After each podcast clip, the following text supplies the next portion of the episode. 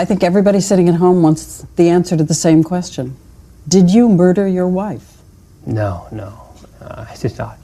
And I had absolutely nothing to do with her disappearance. And, and use the word murder, and yeah, I mean, that is a, a possibility. Um, it's not one we're ready to accept, and it creeps in my mind late at night and early in the morning. And during the day, all we can think about is the right resolution is to find her well. But as you know, increasingly in the public, suspicion has turned on you. Yes, definitely.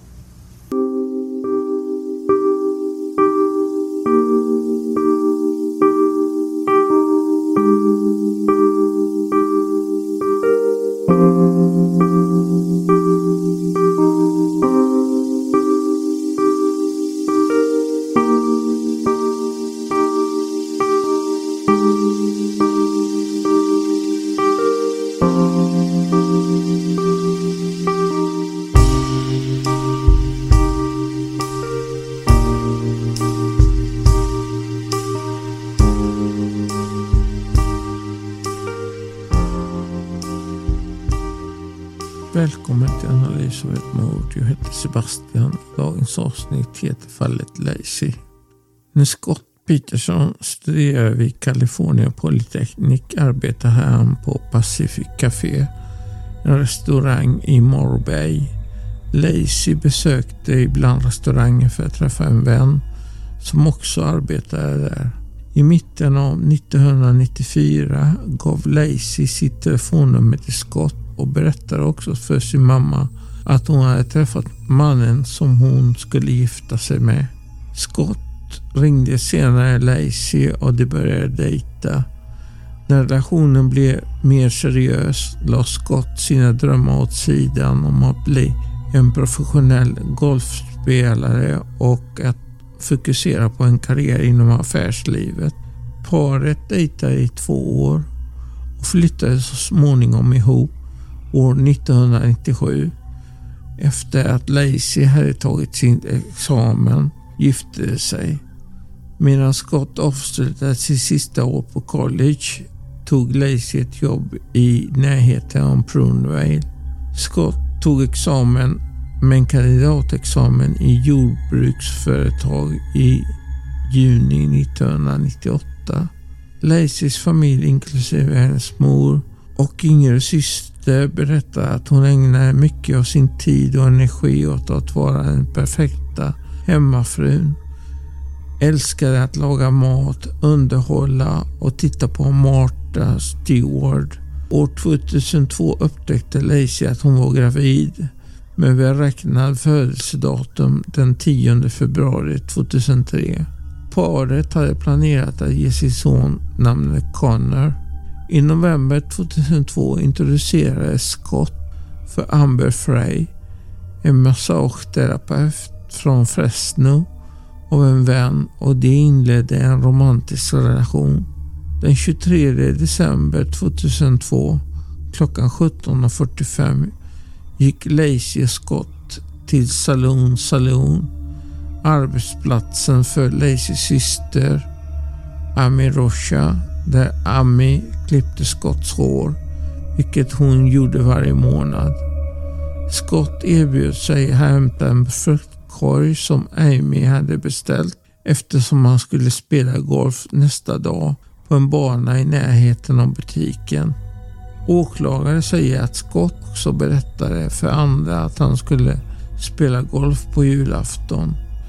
Lacys mamma Sharon pratade med Lacy i telefon runt 20.30 samma kväll. De sista tre personerna som var kända för att ha talat med Lacey innan hon försvann var Amy, Sharon och Scott. Senare berättade Scott för polisen att han sist såg sin fru runt 09.30 den 24 december när han lämnade hemmet för att åka och fiska i Berkeley Marina. Han sa att Lacey tittade på ett program med Martha Stewart om maräng och förberedde sig för att moppa golvet, baka kakor och gå ut med familjens hund till en närliggande park. En granne till Petersons, Karen Servas, sa att hon hittade familjens hund, en golden retriever, ensam utanför huset och återlämnade honom till familjens trädgård runt klockan 10.30.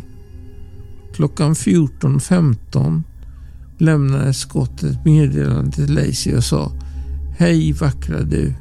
Klockan är 14.15. Jag lämnar Berkeley. Scott sa att han kom hem den eftermiddag och fann Lacys bil på uppfarten och huset tomt. Han sa att han hittade Mackenzie i deras trädgård. Scott duschade och tvättade sina kläder. En granne till Scott skulle senare säga att Scott hade knackat på hans dörr och frågat om han hade sett Lacey. Grannen och hans fru vittnade båda om att de hörde Scott säga att han hade spelat golf den dagen och försökt ringa Lacey. Scott och Lacey styvfar rapporterade båda att Lacey var försvunnen. Polisen fick anmälan om hennes försvinnande strax före klockan 18. Vid tiden för försvinnandet var Lacey sju och en halv månad gravid. Historien fick nationell mediauppmärksamhet. Modesto polisdetektiver Alan Brocchini och John Bauer var de ledande utredarna i fallet och svarade på anmälan om försvunna personen. Bule berättade för ABC News 2017 jag misstänkte Scott när jag först träffade honom. Det betyder inte att han hade gjort det, men jag blev lite förbryllad av hans lugna, kyliga attityd och bristen på frågor. Han var inte Ska du ringa mig tillbaka? Kan jag få ett av dina visitkort? Vad gör vi nu? Pule beskrev vidare Scotts beteende som en konstig kombination av artighet och arrogans. Likgiltigt, distanserad, otålig, irriterad. Han verkar helt enkelt inte vara en man som krossades eller ens mycket störd av sin frus försvinnande och möjliga död.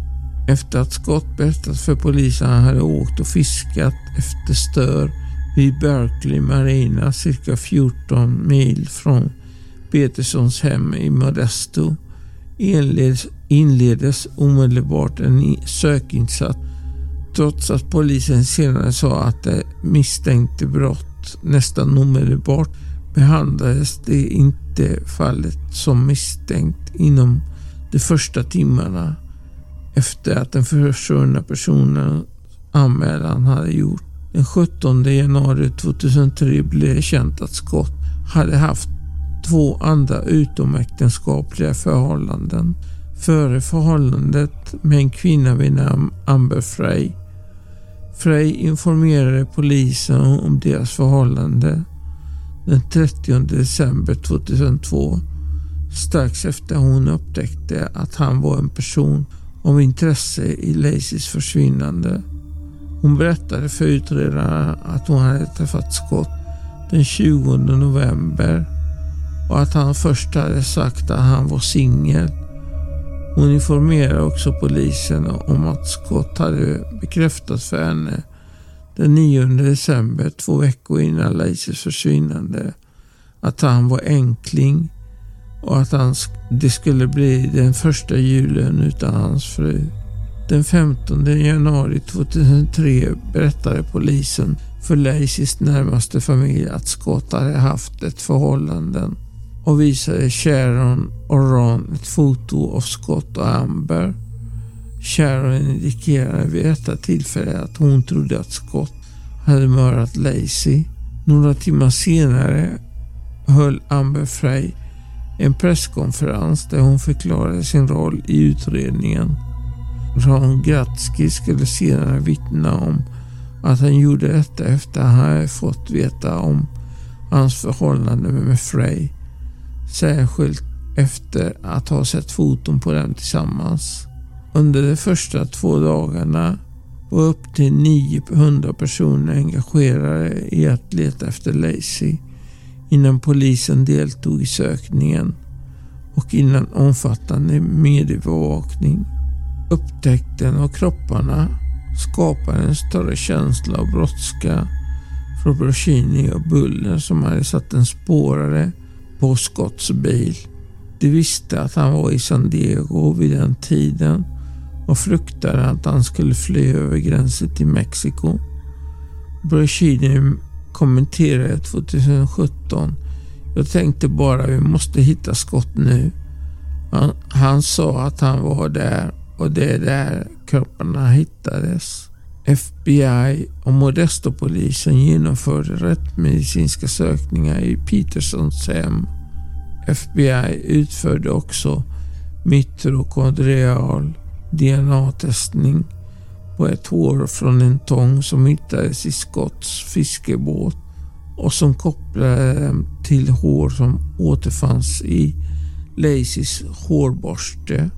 Myndigheterna genomsökte även Scotts pickup, lager och båt. De hittade en hemmagjord ankare i båten som Scott hade köpt två veckor tidigare. Scott berättade för en polis att han hade tillverkat ankaret i sin båt och att han använde resten av påsen för att reparera sin uppfart. Detektiv Henry Dodge vittnade om att han hittade cementliknande substans på båttrailerns träbredd när han genomsökte skottslagen den 27 december utan hans vetskap. Handy pekade på vad han sa var fem cirkulära områden på släpvagnen som hade mindre pulver än andra områden på släpvagnen. Man hittade också en sopskyffel omgiven av vit pulver och en slägga. Åklagarna trodde att Scott tillverkade fem ankare och sänkte fyra av dem för att sänka Lacys kropp i San Francisco Bay. Efter att Scott blivit arresterad genomförde polisen ytterligare sökningar i bukten i ett försök att hitta ankarna, men inget hittades. Scott arresterades den 18 april 2003 nära en golfbana i La Jolla där han skulle träffa sin far och bror för en golfrunda. Hans mörkbruna hår hade färgats blond och hans Mercedes var proppfull med olika föremål inklusive nästan 15 000 US-dollar i kontanter, överlevnadsmaterial, campingutrustning, flera ombyten och kläder och fyra mobiltelefoner. Scotts far, Lee Peterson, förklarade att Scott hade bott i sin bil på grund av medieuppmärksamheten. Polisen och åklagarna såg emellertid på dessa föremål som en indikation på att Scott hade planerat på att fly till Mexiko. Den 21 april 2003 åtalades Scott. Han åtalades för två fall av grovt överlagt mord med särskilda omständigheter. Han förklarade sig oskyldig. Domare Al-Girolami flyttade rättegången till San Mateo County på grund av att så många i Stanislaus hade redan bestämt sig för Scotts skuld. Scotts rättegång inleddes den 1 juni 2004. Åklagaren Rick Distamo ledde åtalet medan Mark Gigaro ledde Scotts försvar.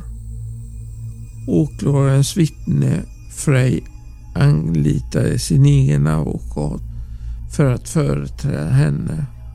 I öppningsanförandet sa åklagaren att de skulle bevisa att Scott hade dödat sin fru eftersom han hade haft ett förhållande med Frey.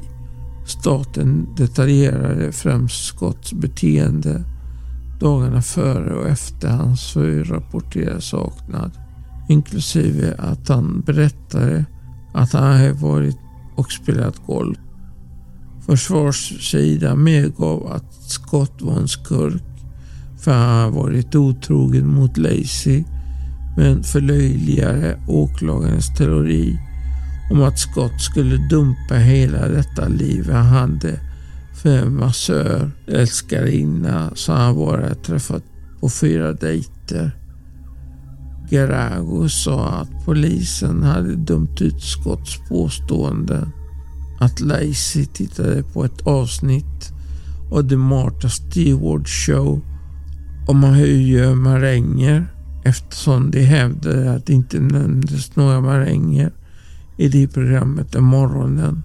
När det faktiskt visades bandupptagning från det aktuella mordavsnittet som Grörius pekar ut i rätten visades det att avsnittet handlade om bakning och maränger. Slutligen betonade Gregorius bristen på rättsmedicinska bevis och avfärdade ett hår från Lacys kropp som hittades i Scotts båt eftersom Lacey hade besökt båten några dagar före sitt försvinnande. Saknaden av direkta bevis som kopplade Scott till brottet gjorde att åklagarna främst förlitade sig på indirekta bevis. Särskilt Scotts beteende före och efter Lacys försvinnande.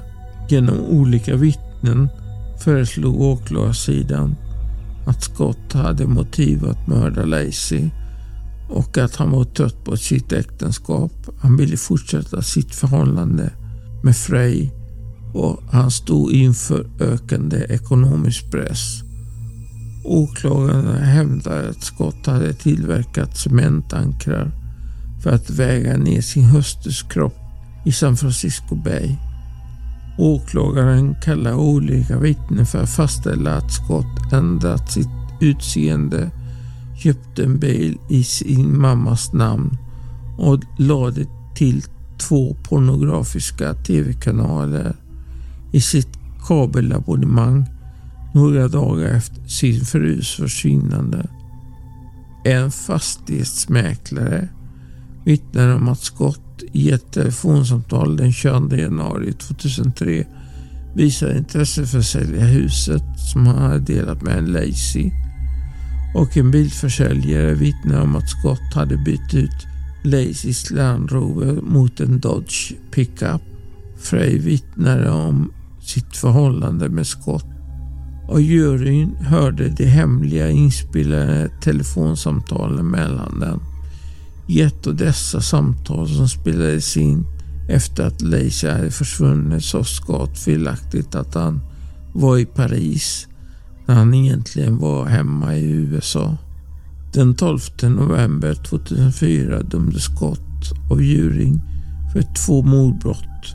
Första mordsmord och med särskilda omständigheter för att ha dödat Lacey för mord av andra graden och ha dödat det foster hon bar. Straffrättegångens fas började den 30 november och avslutades den 13 december när juryn utdömde dödsstraff. Den 16 mars följde domare DeLucci juryns beslut och dömde Scott till döden genom en dödlig injektion och beordrade honom att betala 10 000 US dollar för kostnaden av Lacys begravning och kallade mordet på Lacy grymt, kärlekslöst, hänsynslöst och känslokallt. Scott lämnade in flera anmälningar från 2015 till 2022 på grund av bristande bevis eller representation. Lacey och Conner begravdes på Burwood Cemetery den 30 augusti 2003. Scott sitter nu på Death Row i fängelset San Quentin. Ett ganska nedgånget fängelse byggt 1852 men tillbyggt under de senaste åren.